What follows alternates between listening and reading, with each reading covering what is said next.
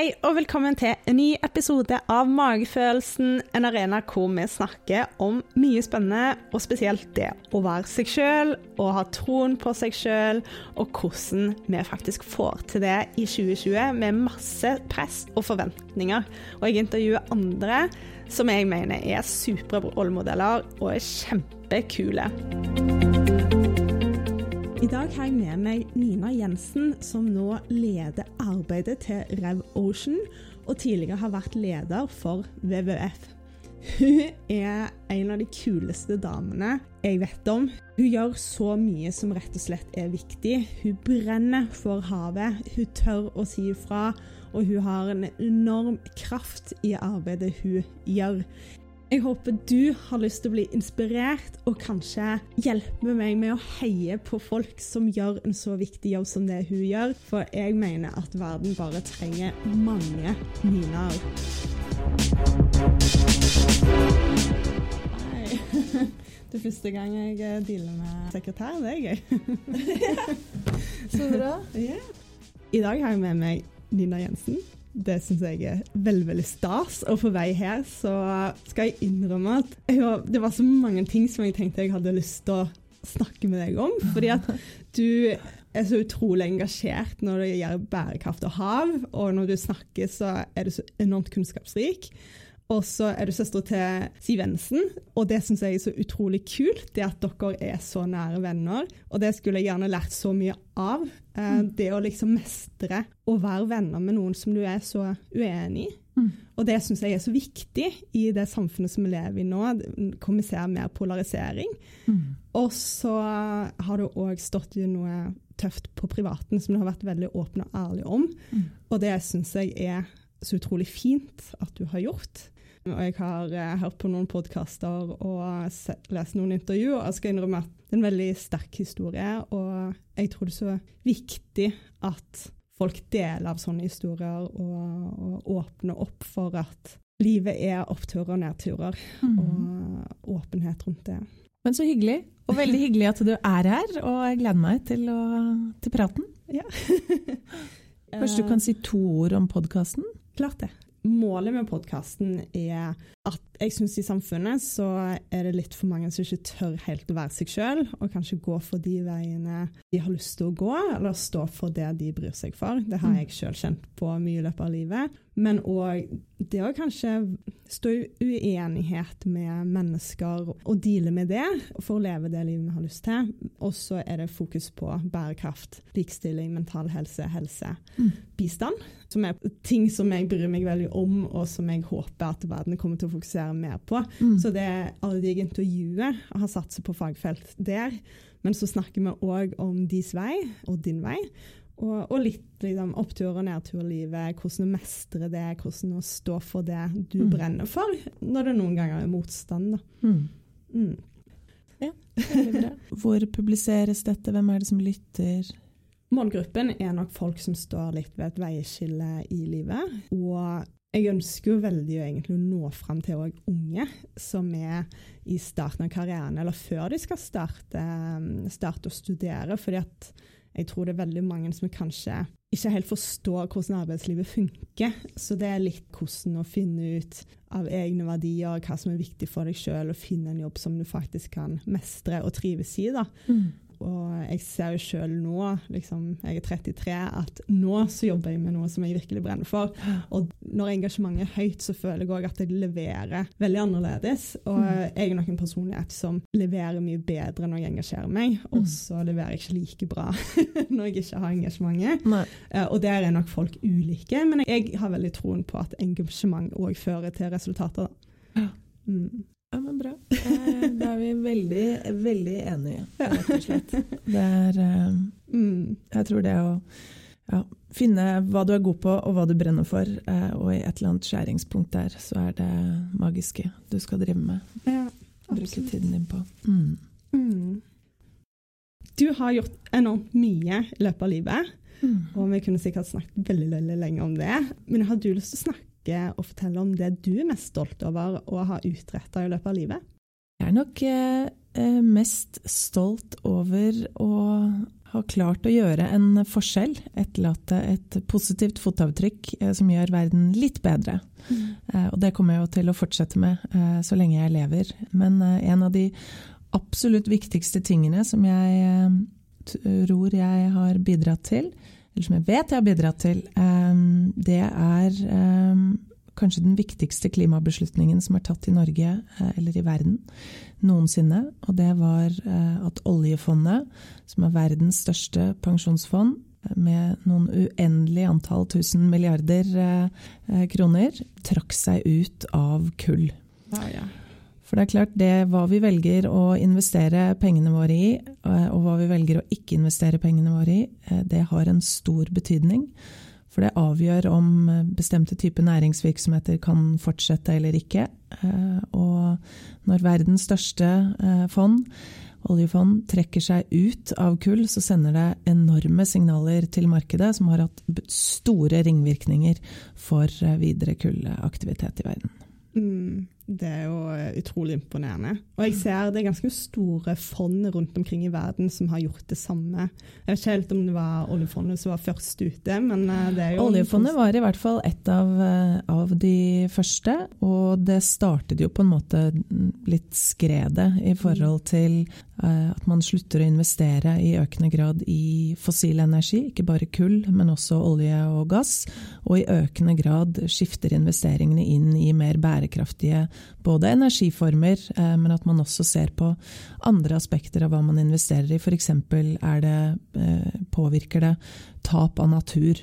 Eh, mm. Og det er jo det vi i økende grad må løfte opp på agendaen i årene fremover. Hvordan skal vi slutte å ødelegge i naturødeleggende virksomheter? Mm. Hvordan tror du at dere fikk til det? Jeg tror det dreide seg om å jobbe med alle de riktige aktørene. Eh, at man hadde gode argumenter eh, i bånn. Eh, selvfølgelig at dette var noe oljefondet selv så en verdi i, fordi det var fornuftig fra et økonomisk perspektiv også og at det var et bredt samarbeid på tvers. Jeg jobbet jo i WWF på det tidspunktet, eh, og WWF samarbeidet med både Greenpeace og Framtiden i våre hender eh, fra miljøbevegelsens side, men vi hadde også et godt eh, samarbeid med ulike fagmiljøer, både fra finans, finans og økonomi, og et bredt nedslagsfelt av politiske partier, f.eks., for, eksempel, for å få det til. Og det tror jeg er nøkkelen til suksess eh, på veldig mange områder. At man lytter til ulike perspektiver eh, og fagkunnskap, og at man setter det sammen på en meningsfylt måte, eh, slik at det treffer godt der det skal. Mm. Ja, Det tror jeg er veldig viktig, det med samarbeid. Og jeg håper vi kommer til å mm. se mer av det i tiden som kommer. Mm.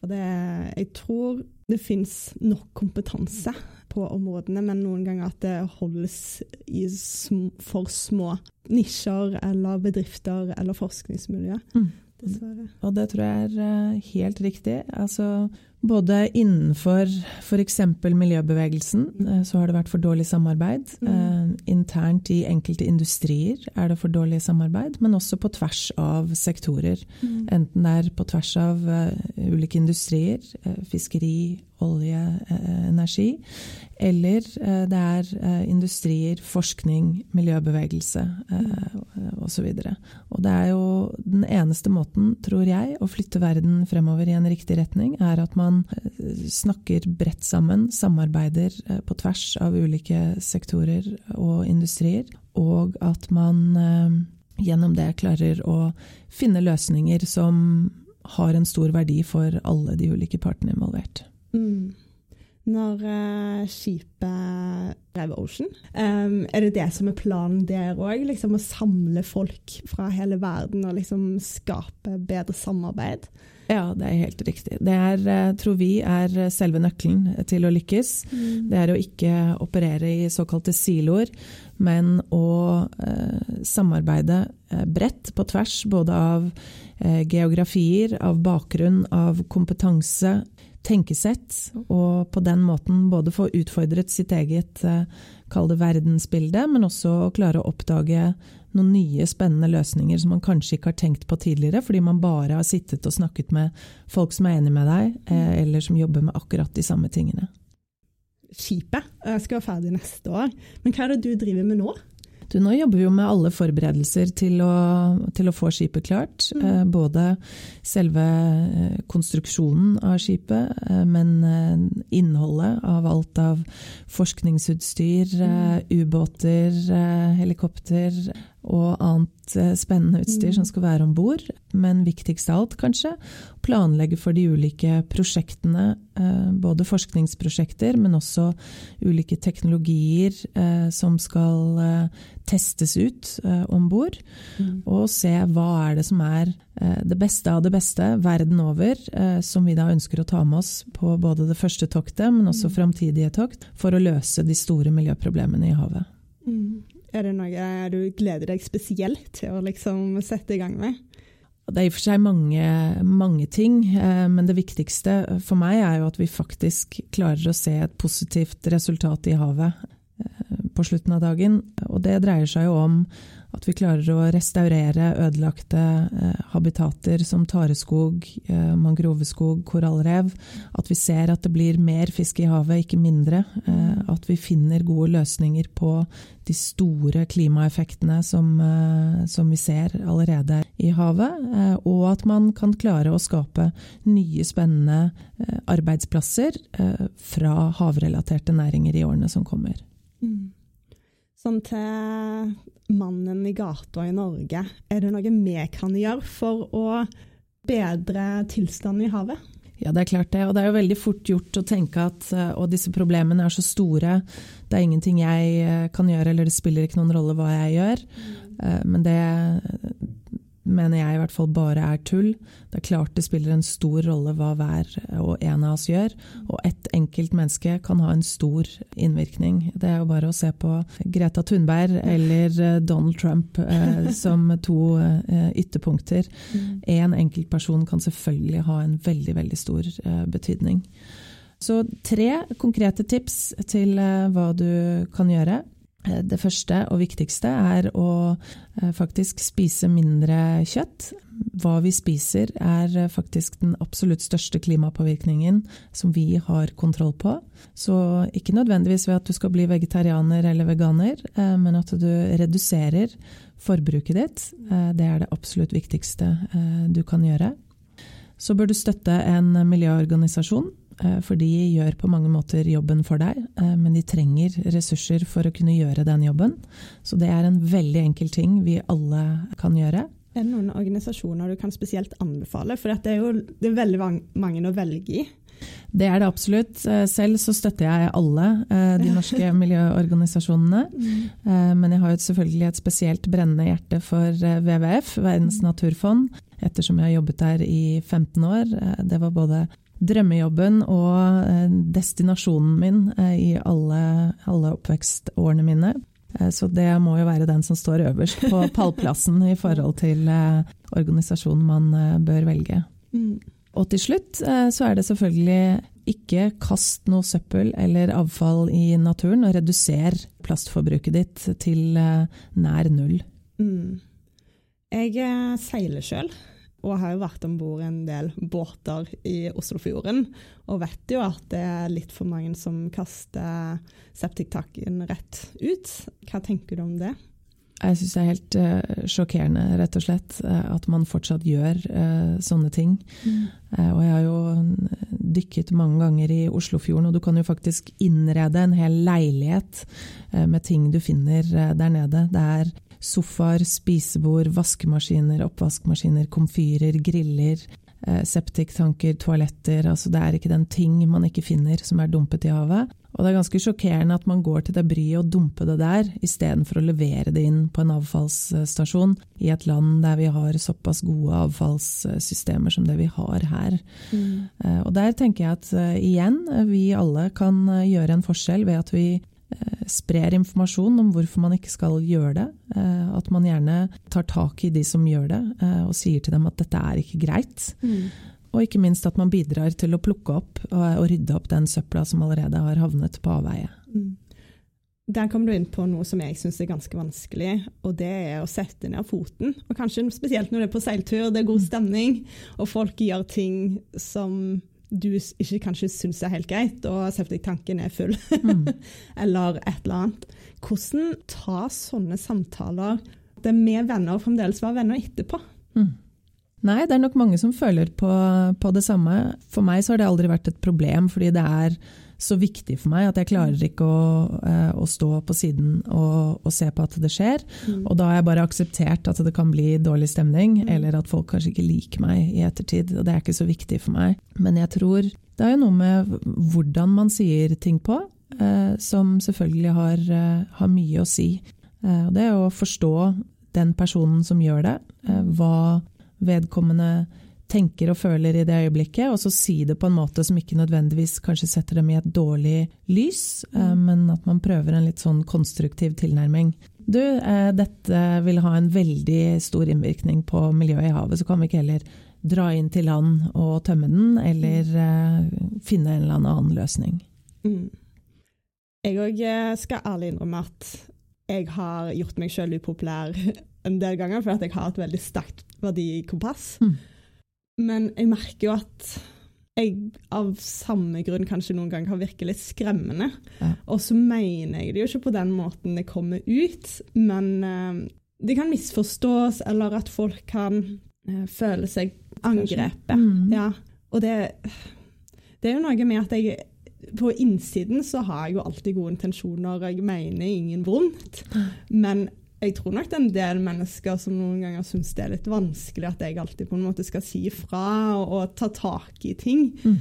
Hvordan har du liksom eh, jobbet med det? Er det sånn at du bare klarer å liksom prelle det av og Nei, det gjør jo strengt tatt ikke det. Altså, jeg merker jo også at eh, folk rundt kan bli irritert eller slitne eller lei av mm. at man kontinuerlig påpeker uh, ting. Mm. Uh, så jeg mm, holdt på å si uh, velger jo hvilke kamper jeg skal ta, jeg mm. også.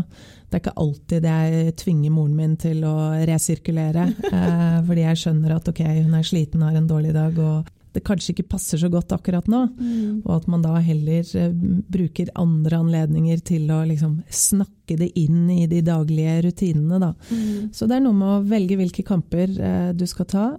Være flink i kommunikasjonen din, sånn at folk ikke føler seg angrepet, men at du mm. heller presenterer en løsning, eller hvorfor dette faktisk er et bedre alternativ for dem. Mm. Så det er enklere for deg, f.eks., hvis du gjør det på denne måten. Mm. Eh, og da er det ofte enklere eh, for folk å akseptere at man blir irettesatt, eller at man får en, noe som kan oppleves som en pekefinger. Mm, absolutt.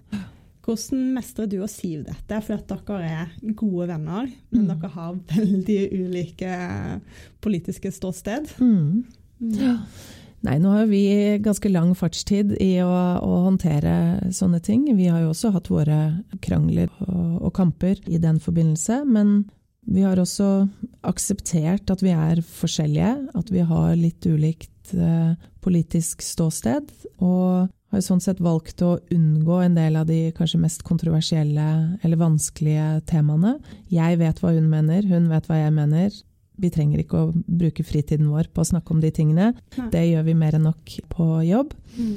Og igjen så kommer det jo tilbake til hvilke kamper er det du må ta, eller mm. føler at du ikke kan la være, mm. eh, og hva er det du kan la ligge til en, til en annen dag eller en senere anledning. Mm. Ja. Jeg tror det er veldig gode råd, det å på en måte bare noen ganger være enig om å være uenig, mm. selv om det kan være vanskelig. For jeg kan være litt sånn at jeg lar ting ligge, og så tenker jeg men dette bryr jeg meg så mye om, så jeg mm. klarer ikke noen ganger. Og den balansen òg, men liksom, noen ganger så må jeg bare tvinge meg sjøl, og så merker jeg at det faller meg ikke helt naturlig. Nei. Nei da, og jeg er helt enig i det. Det er veldig vanskelig, så det som ofte hjelper, er å trekke pusten dypt, både én og to og ti ganger men også tenke over ok, Bringer det saken fremover mm. at jeg stanger hodet i veggen her, eller gjør det det ikke? Er det verdt det, eller er det ikke? Og for meg så har det alltid vært det viktigste. Hvordan er det jeg mest effektivt kan oppnå de målene jeg har satt meg? Hvordan er det jeg kan skape miljøresultater raskest? Mm. Da er det ikke alltid det å stå og stange hodet i veggen som er, er, det mest fornuftige. Og så tror jeg også at man kan lære mye av å snakke med folk man er uenig med. Forstå hvordan verden ser ut fra deres perspektiv. Mm. Hva de tenker er viktig, og hvorfor. Eh, hva de brenner for, og hvorfor.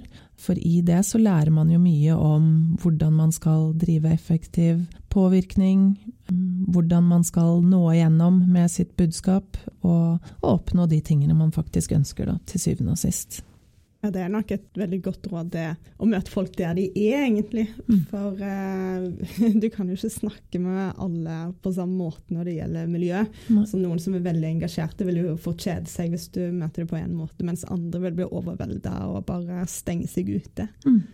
Det tror jeg kanskje er en av de viktigste tingene jeg har, har lært, uh, men også et veivalg jeg selv har tatt i livet i forhold til kompetanse. Det er at jeg kombinerte arbeidserfaring i reklamebransjen, hvor man jo lærer det å selge, med marinbiologi og miljøaktivisme. For det selv om vi kanskje ikke liker å tenke det sånn som miljøaktivister, så selger også vi et budskap. Alt dreier seg til syvende og sist om salg.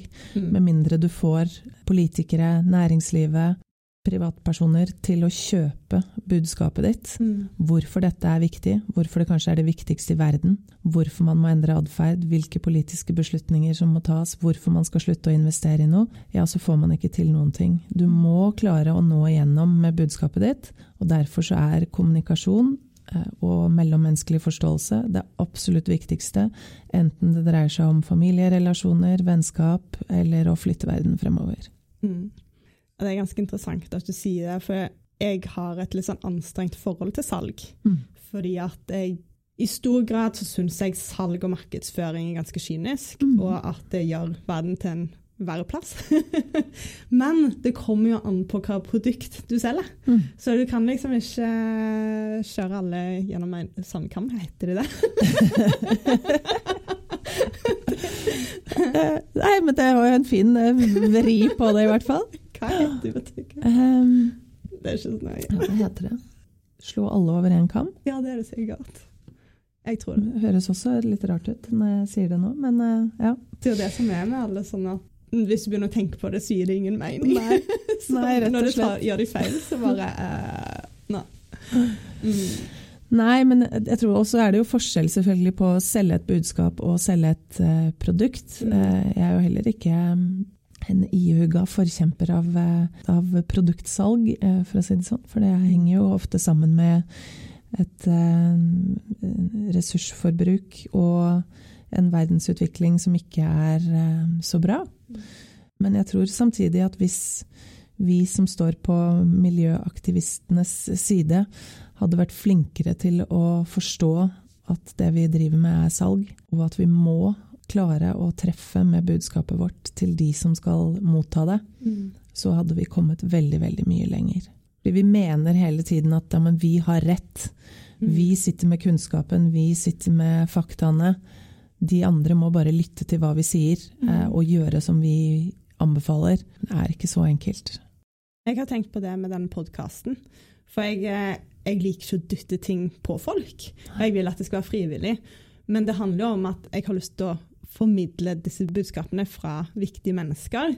Og det er noe jeg ønsker at flest mulig skal høre om. Mm. Og da må jeg jo faktisk òg markedsføre det. Og med den tankegangen så er det mye lettere. Mm. Fordi at jeg føler at jeg gjør folk en tjeneste. jo, jo.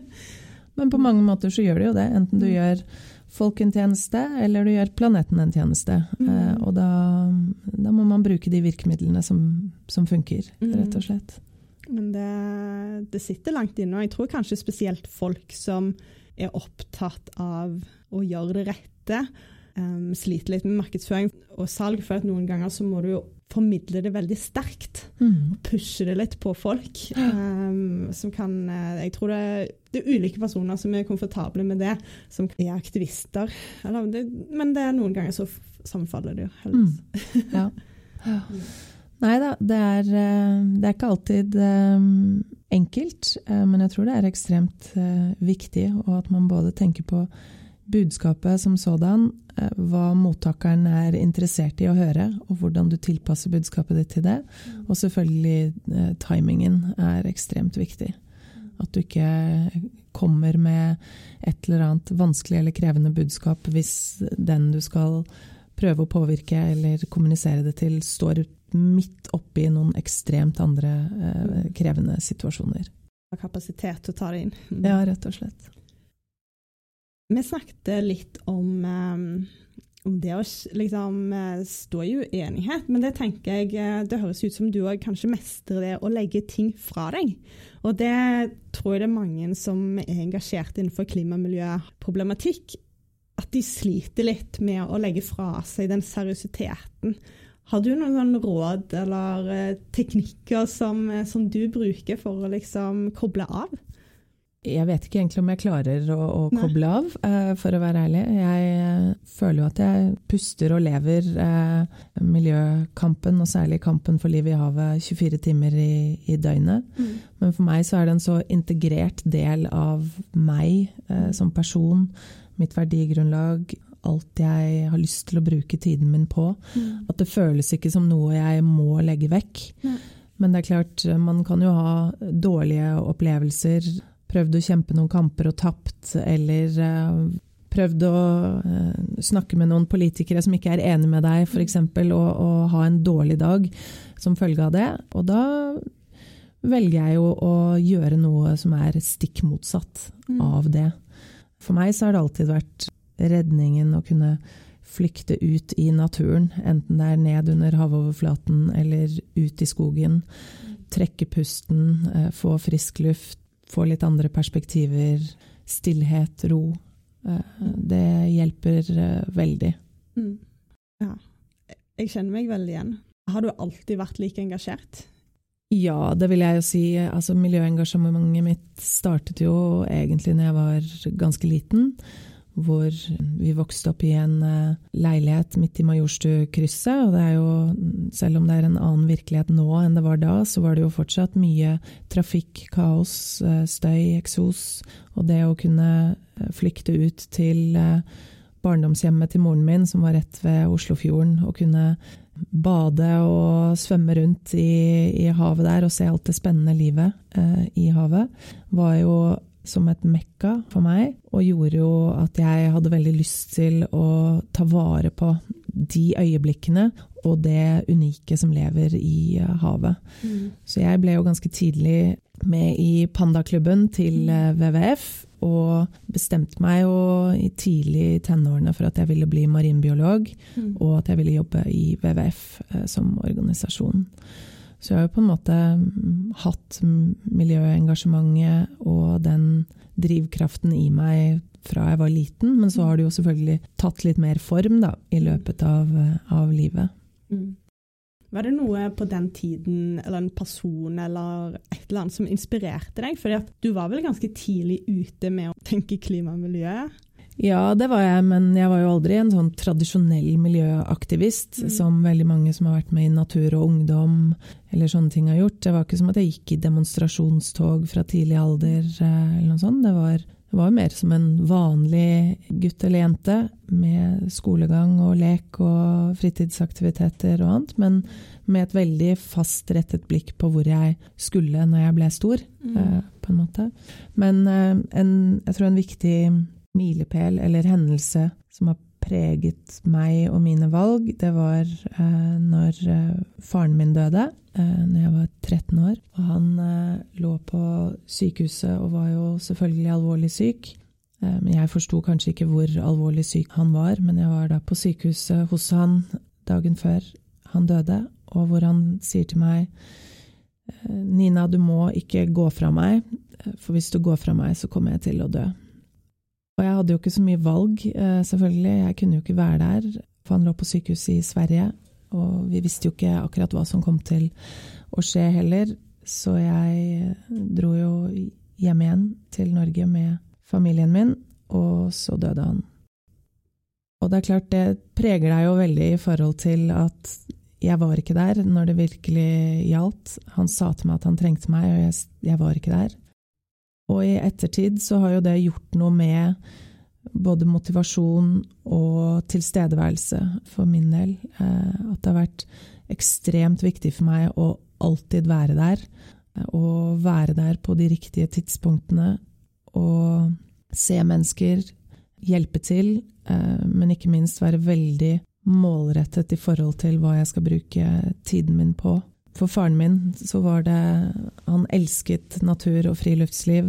Eh, og vi hadde jo planlagt mange hyggelige turer sammen eh, på Finnmarksvidda eller annet, med telt og fiskestang og annet. og mange av de tingene fikk vi jo aldri oppleve sammen. Eh, men det at han da var så brennende engasjert i natur og friluftsliv, har jo også gjort at jeg vil hedre hans minne ved å faktisk ta vare på det. Sørge for at andre barn kan få oppleve det med sin pappa eller um, med sin familie, og at vi ikke skal miste det. Verken miste muligheten til å, å gjøre det, eller um, gå glipp av de verdifulle øyeblikkene. Mm. Det er en fin måte å bli inspirert på, da. Ja, både fin og litt tung på samme tid. Det tok, jo, tok meg jo mange år å komme over det.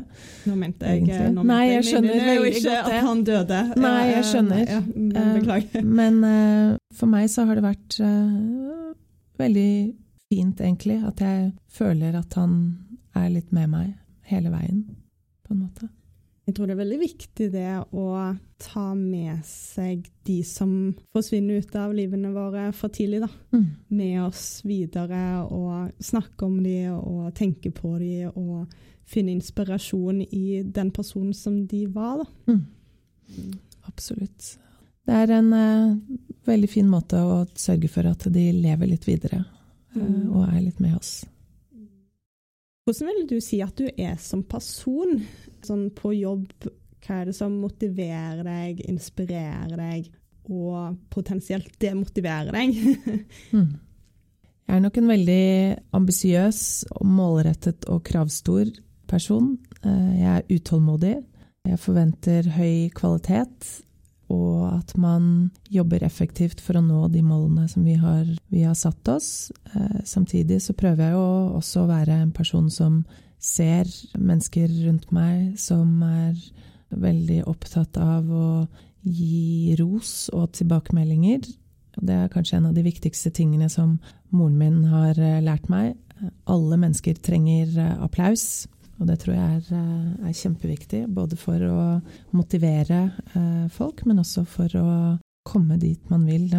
Sånn elementært i menneskelig psykologi at man motiveres mer av, eh, ris, nei, av ros og positivitet enn av pekefinger, straff og, og negative ord og omtale.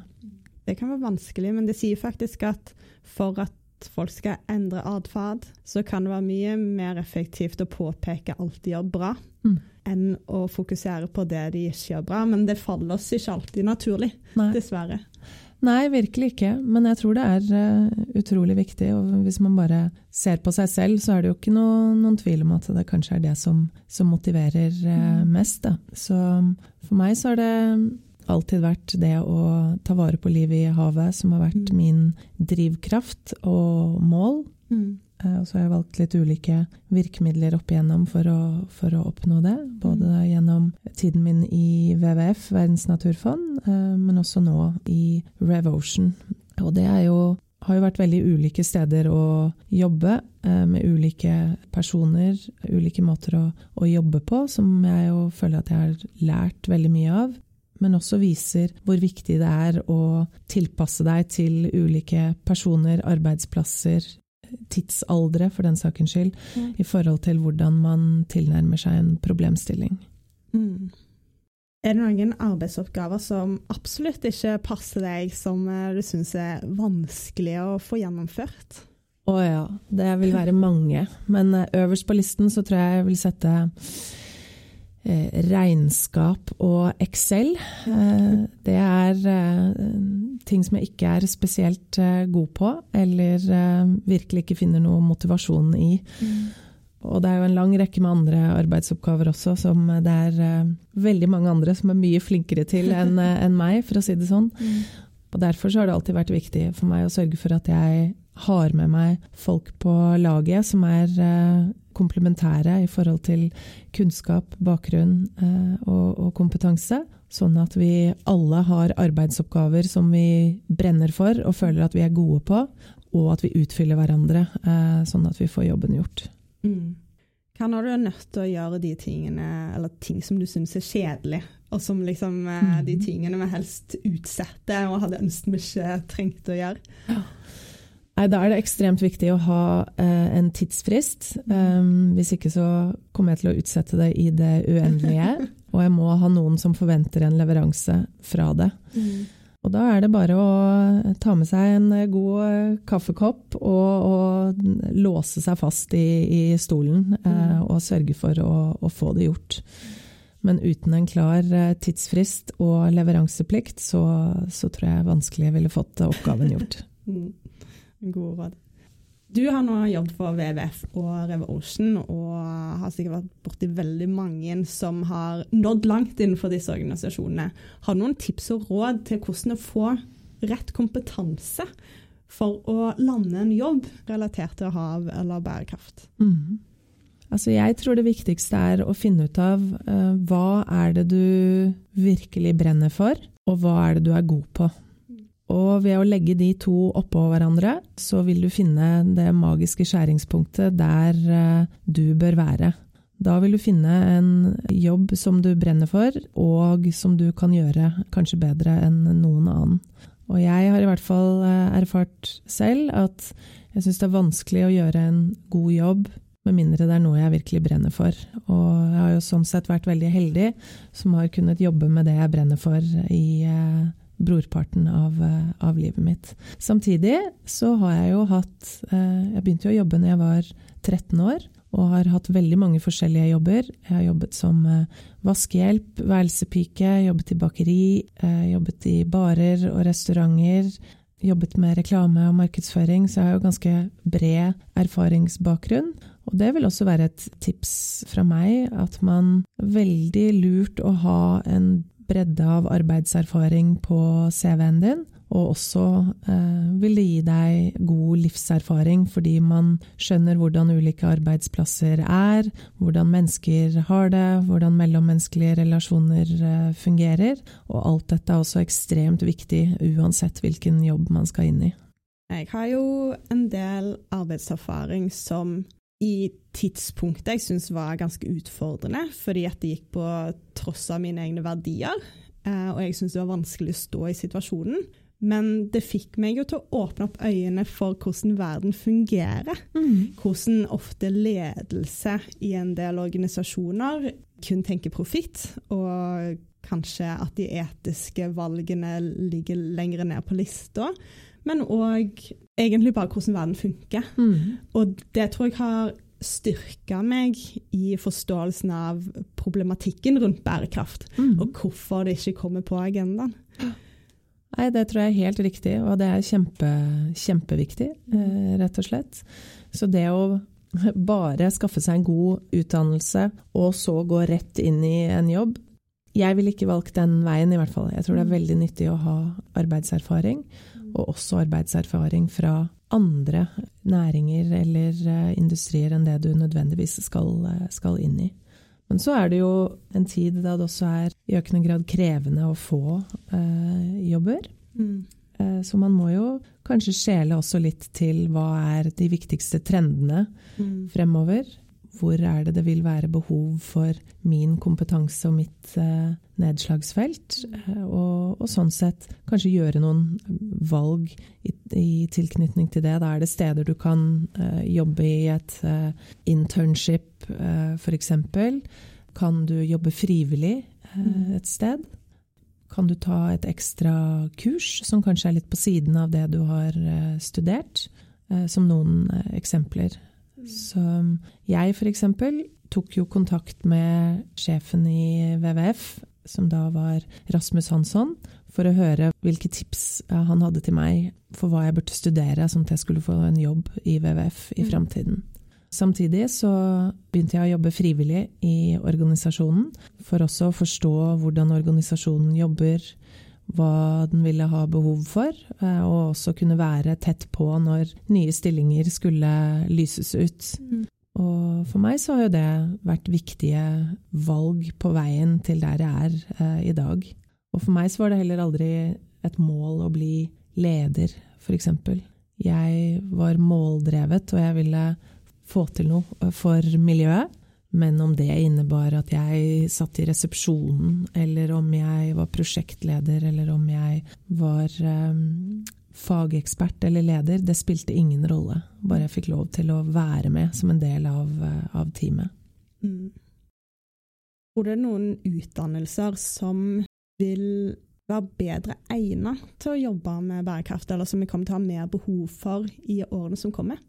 Ja, det tror jeg absolutt. Jeg tror særlig eh, teknologi og data blir eh, spesielt viktig. Fordi veldig mange av de problemene vi står overfor, er formidable og vil kreve raskere løsninger enn det kanskje vi mennesker kan klare å få til på kort sikt. Mm. Derfor så tror jeg det finnes mye håp i spennende teknologi, og også datadeling. Vi har enorme mengder med informasjon om hva som foregår, og om hva som kommer til eh, å skje, men vi har ikke vært så gode på å sette disse dataene og kunnskapen sammen, og å bruke den til noe fornuftig. Mm. Og det å da utdanne seg ut innenfor disse feltene, teknologi og data, enten du da blir sivilingeniør eh, eller eh, noe annet, tror jeg vil være ekstremt viktig eh, i årene som kommer. Mm. Det å forstå hvordan man kan bruke kunstig intelligens, hvordan man kan koble datapunkter eh, sammen, hvordan man kan gjøre analyser av hvordan verden kommer til å se det ut eh, fremover. Kjempeviktig. Mm. Og så må jeg jo også selvfølgelig slå et lite slag for marinbiologi, fordi jeg tror at det å utdanne seg innenfor og med kunnskap om havet og hva mm. som foregår der, eh, selvfølgelig også vil være ekstremt viktig. God råd. Jeg kan jo kanskje også legge til at jeg tror at vi lever i en veldig hektisk eh, tid eh, med stort forventningspress, og selvfølgelig med store globale utfordringer som skal løses, og det gjør noe med oss som mennesker. Og det å kanskje også velge studieretninger innenfor humanitære fag og psykologi. Det å forstå mennesker, forstå hvordan man skal hjelpe mennesker, tror jeg også blir eh, veldig viktig i årene som, eh, som, kommer, og er det allerede nå. Mange som sliter med depresjon, med angst, med uforløst potensial. Og det å kunne hjelpe mennesker både til å ha et bedre liv, til å ta bedre valg, eh, og til å takle livet bedre, eh, tror jeg også er, eh, vil være en innertier. Det tror jeg òg. Jeg snakket med Ingrid Brun. Hun har vært med på podkasten, og hun er daglig leder for Kompetansesenter for livsmestring og folkehelse. Ja. Og hun tipsa nettopp om det, det å snakke om noen. Men der har du òg, syns jeg, gjort en veldig viktig jobb, og det er nettopp det å dele av sin historie. Mm. Fordi at det er faktisk den letteste måten å få andre til å åpne seg på. Det å mm. snakke om det du sjøl syns er vanskelig. Og det gjør at andre òg blir komfortable med å snakke om sin historie og føle at mm. det kanskje er greit å ha det vanskelig i perioder av livet. Mm.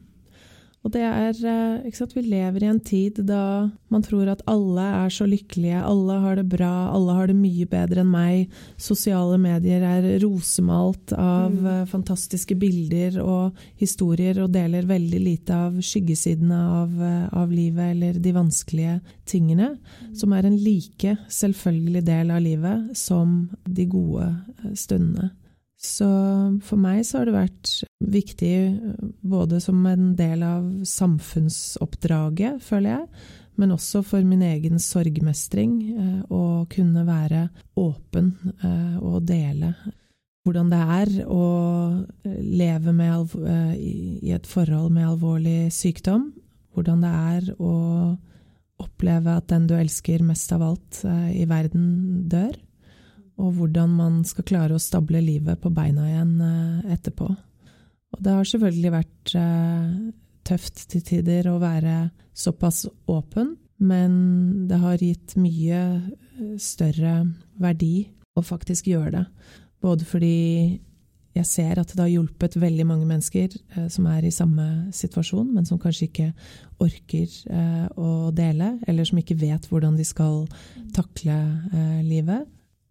Det har også vært viktig fordi jeg er en offentlig person, og når man går igjennom noe sånt, så blir det vanskelig for folk rundt deg å vite hvordan de skal forholde seg til deg. Um, både på arbeidsplassen, litt mer perifere venner, kanskje kolleger, samarbeidspartnere. Og ved å da heller velge å være åpen og ærlig om det, så har det blitt lettere for folk å vite hvordan de skal forholde seg til meg, uh, som har vært viktig. Og så har jeg jo fått uh, en enorm mengde med tips og råd, uh, hjelp og kjærlighet og omtanke fra hele verden, egentlig som har vært eh, veldig, veldig verdifullt i eh, den tøffeste situasjonen jeg har vært i eh, i hele mitt liv. Fra starten, var det et naturlig valg for deg, eller var det noe som gjorde at du, at du tok den avgjørelsen om å være så åpen som du har vært? Mm. Jeg har alltid vært en åpen bok, eh, mm. egentlig, og alltid eh, tenkt at eh, ærlighet og åpenhet varer lengst. Mm. Men Nikolai og jeg hadde jo eh, samtaler om dette eh, i starten når han ble syk, hvordan vi skulle takle det, men det var egentlig aldri en diskusjon eller en reell problemstilling. Eh, vi ønsket å åpent dele fra starten av, og for Nikolai så var det veldig viktig å bruke sin sykdom til å prøve å hjelpe andre prøve å finne en kur, gjøre mest mulig research, jobbe med de fremste fagfolkene i verden, dele dette åpent uh, ut. Men også tips om generell liksom, livsmestring i en såpass krevende situasjon. Så, så, det var viktig for oss, uh, oss begge, og da var det det eneste valget å ta, egentlig. De sier jo at faktisk det å snakke om ting høyt er jo en måte å faktisk bearbeide vanskelige følelser på. Mm. Men òg det å hjelpe andre, sånn som Nicolai gjorde, det gjør jo at, at det gir deg stor glede og takknemlighet i livet. da. Mm. Så jeg kan jo se for meg at det òg ga han mye mot slutten, det å liksom føle at han iallfall kunne bidra til at andre kanskje i framtiden ikke havner i samme skjebne. Da. Mm, absolutt. Nei, både for Nikolai og for meg så har det vært det viktigste i livet, egentlig. Det er å flytte verden eh, i en litt mer positiv eh, retning. Så det har vi jo brukt hver eneste ledige time på, både i jobb og privat. Og det er ikke bare et kall, på en måte. Det er også noe som, som du sier, som gir oss enorm glede. Og fyller livet med, med mening, eh, som jo er kanskje det viktigste av, av alt. Mm. Og, men det er helt riktig som du sier, at det å dele er viktig. Og en klok venn av meg, Per Saksegård, sa tidlig når dette skjedde, at en sorg, som, sorg eller smerte som deles, blir mindre. Og det har han utrolig rett i, fordi da føler du på en måte at det er flere andre rundt deg som kan ta litt del i sorgen din, eller dele litt av eh, smerten din. Du føler ikke at du står alene i det, og bare ved å snakke om det og, og få det ut, så blir det litt lettere å bære, rett og slett. Og i min første sorgprosess, når jeg mistet eh, pappaen min, så var jeg jo også i en mye mer sårbar alder, eh, selvfølgelig. Da lukket jeg meg inne, jeg stengte sorgen inne, jeg ville ikke snakke om det, ville ikke dele det med noen, ville ikke snakke om han, ville ikke høre navnet hans, ville ikke noen ting. Og det gjorde jo at jeg var som en sånn eksplosiv kruttønne mm. til enhver tid. Og fikk jo først bearbeidet den sorgen i godt voksen alder. Og fikk det jo mye bedre når jeg klarte å få det ut. Mm. Derfor så var jeg kanskje bedre rustet til å takle denne sorgprosessen ved at jeg i hvert fall ikke skulle gå i den samme fella ved å stenge sorgen inne. Den skulle ut. Eh, og derfor så har jeg jo aldri latt være å gråte. Enten jeg har sittet i møter med Kjell Inge Røkke, eller om jeg har sittet på radio, TV, eh, eller stått i offentlighetens lys, eller sittet i personalmøter. Det har aldri vært et tidspunkt da jeg har følt at det har vært eh, feil å gråte, eller at jeg har valgt det bort. Mm. Rett og slett fordi det er sånn jeg føler det akkurat nå. Mm. Eh, og sånn er det for oss alle mennesker. Mm. Og det å da tørre å være åpen og ærlig om at sånn er det, har vært veldig viktig for meg. Også når du faktisk lar deg sjøl gråte, så er jo det en måte å slippe ut følelser på. Mm. Det, det, er veldig veldig tøft. Og jeg tror det er en veldig viktig vei å bane. For jeg så en, et sånn YouTube-klipp. Nei, det var vel NRK som hadde en video av en uteligger. Um, Som bare fortalte litt om hvordan hans liv er, som jeg så i går. og Det var veldig tøff mm. um, og gikk skikkelig inn på meg. Men det kanskje som gikk mest inn på meg, var at han sa at han har slitt med dop siden han var ni år. Um, så dette har vært hele livet hans, men han har da vært på gata i hele den perioden. og Han, han så ut som han begynte å bli en eldre mann. Og han sa at før så var det et samhold i samfunnet.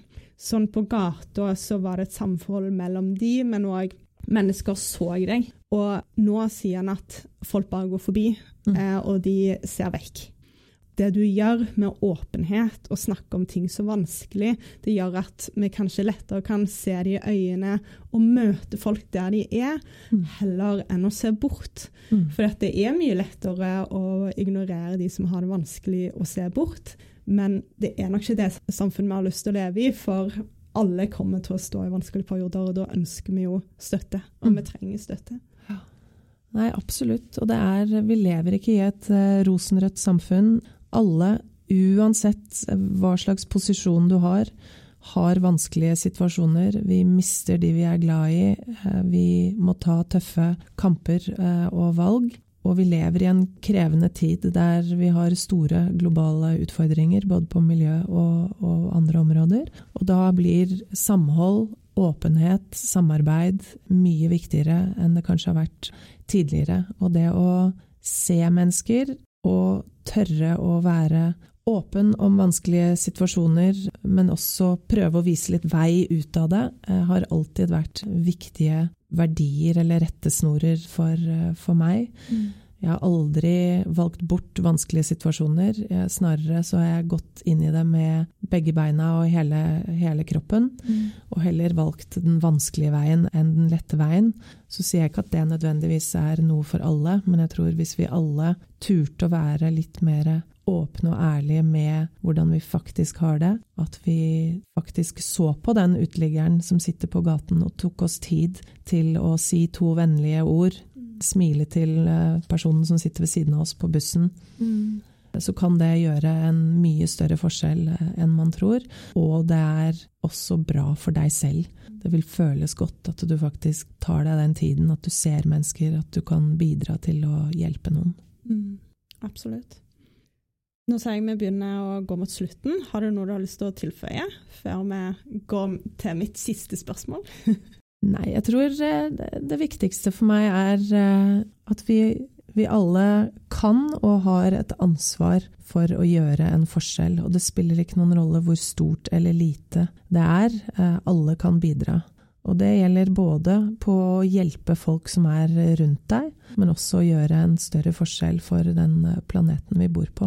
Så jeg håper at alle vil gå inn i jula og nyttår og framtiden med det som mål at man skal gjøre verden litt bedre innenfor de verktøyene og rammene som man selv har tilgjengelig. Har du noen juletips til hvordan å ha en mer bærekraftig jul? Ja, det viktigste der er å fokusere på å se hverandre og ha det hyggelig. Ha fine opplevelser, og ikke fokusere på ting. Gaver eh, betyr ingenting. Det er tiden din som betyr noe. Tiden du kan tilbringe sammen med barna dine, at de får se deg inn i øynene og gjøre morsomme ting sammen med deg. Og det samme med foreldre, familie, venner. De faktisk eh, får kvalitetstid eh, sammen. Det er det absolutt viktigste. Jeg kunne ikke vært mer enig. du har kommet veldig langt i livet, og vi er mange som ser opp til det du har oppnådd. Men for å få deg litt sånn ned på jorda Har du lyst til å fortelle om det pinligste du har opplevd i løpet av ditt liv? Ja det er jo i og for seg flere ting, det, da. Men, eh, men eh, en av de absolutt pinligste tingene, det må ha vært når min eks-svigermor sto i skilsmisse fra eh, sin mann, altså pappaen til eh, en av mine ekskjærester. Og det var veldig tilspisset eh, konflikt, og jeg satt og skulle skrive en kall det støttende e-post til henne, hvor jeg jo da understøttet eh, alt hun hadde sagt om han, og la ut i det vide og det brede om hvor fæl han var, alle ting jeg syntes var gærent med han, hvordan han hadde oppført seg dårlig, alt han burde ha gjort annerledes. Og så klarte jeg å sende den e-posten til han. Nei! Og det var helt forferdelig. Og akkurat idet jeg da trykket 'send', og jeg skjønte at dette er sendt til absolutt feil person, og det er sendt til din svigerfar, som du må ha en relasjon til i mange, mange år fremover. Ja, det var Jeg visste rett og slett ikke hvor jeg skulle gjøre av meg. Jeg hadde lyst til å bare rive det ut av datamaskinen og få det tilbake, men det kunne man jo selvfølgelig ikke gjøre. Men på den annen side, han tok det ekstremt voksent. Eh, han sa det var veldig nyttig lesing eh, for ja. han. Han lærte mye av det, eh, fikk innsikt i hvordan vi faktisk tenkte, for veldig mange av disse tingene er jo ikke sånn som man nødvendigvis sier direkte til personen, men man kanskje snakker om andre steder. Og også det at det var tips og råd der som han opplevde det, i forhold til hvordan han kunne eller burde ha gjort ting annerledes. Wow førte til noe positivt. Så på tross av at det var ekstremt kleint eh, og pinlig, og noe jeg skulle ønske aldri hadde skjedd, mm. så kom det jo på mange måter noe, noe godt ut av det, eh, til syvende og sist. Så det kommer jo kanskje tilbake igjen til noe av kjernen av det vi har snakket om. Det å faktisk være åpen og ærlig, tørre å ta de vanskelige samtalene og si ting som er ubehagelige, kan kanskje også bidra til å føre til noe positivt. Mm. Men det var utvilsomt veldig, veldig, veldig flaut, pinlig, ydmykende og alt mulig. Det skjønner jeg godt. Jeg skal jo si at jeg er imponert over han òg, som tok det så bra. Fordi at eh, det hadde ikke folk Eller veldig mange hadde ikke gjort det. Nei, absolutt ikke. Så det kunne jo ha eh, båret helt gærent av, av sted og vært full mm. brudd og krise i, i familien. Men uh, vi har riktignok ikke kontakt i, i dag. Men nei, det kunne, det kunne gått veldig annerledes. Mm. Det er faktisk noe jeg òg prøver å tenke på sånn Jeg skal aldri innrømme hvis jeg får sånn skikkelig kritikk, så noen ganger så kan jeg gå veldig selvforsvar der og da. Mm. Men sånn når jeg trekker meg tilbake, så prøver jeg alltid å tenke gjennom det de har sagt, og tenke var det noe sannhet i det de sa? Selv om jeg ikke liker personen engang, mm. men bare for å skille mellom kritikk. For at noen ganger så faktisk så har jo de rett, mm. og så burde jeg jobbe med det. Og andre ganger så har de ikke rett i det hele tatt, og mm. så må jeg la det prelle av. Mm. Ja. Mm. Men veldig ofte, i hvert fall jeg har erfart, at når jeg blir sint eller føler at noen kritiserer meg, så er grunnen til at jeg blir sint, ofte at de har rett. Ja, ja. Men at jeg helst ikke vil innrømme det. Mm. For man vil være mest mulig perfekt og feilfri, og man vil i hvert fall ikke ha hard kritikk. Mm. Men hvis man klarer å se litt bak kritikken og prøve å forstå seg selv litt bedre, så kan man også kanskje bli et uh, bedre menneske, da. Men, uh, men det, er, uh, det, er, virkelig ikke lett. Mm. Det kan iallfall hjelpe med å legge det sinnet fra seg. Mm. Og ikke liksom gå og bære på det sinnet mot den personen som sa det. Mm. Og så kan du heller jobbe, bruke litt lengre tid på å jobbe med ja. å endre deg, fordi det er vanskelig. ja, det er vanskelig. Det er vanskelig. Hjertelig tusen takk for en kjempespennende samtale. Veldig hyggelig å få være med, og masse masse lykke til videre. Sikker på at du bidrar til å inspirere mange uh, viktige mennesker der ute, og flytte verden i en litt bedre retning. Tusen takk. Det håper jeg.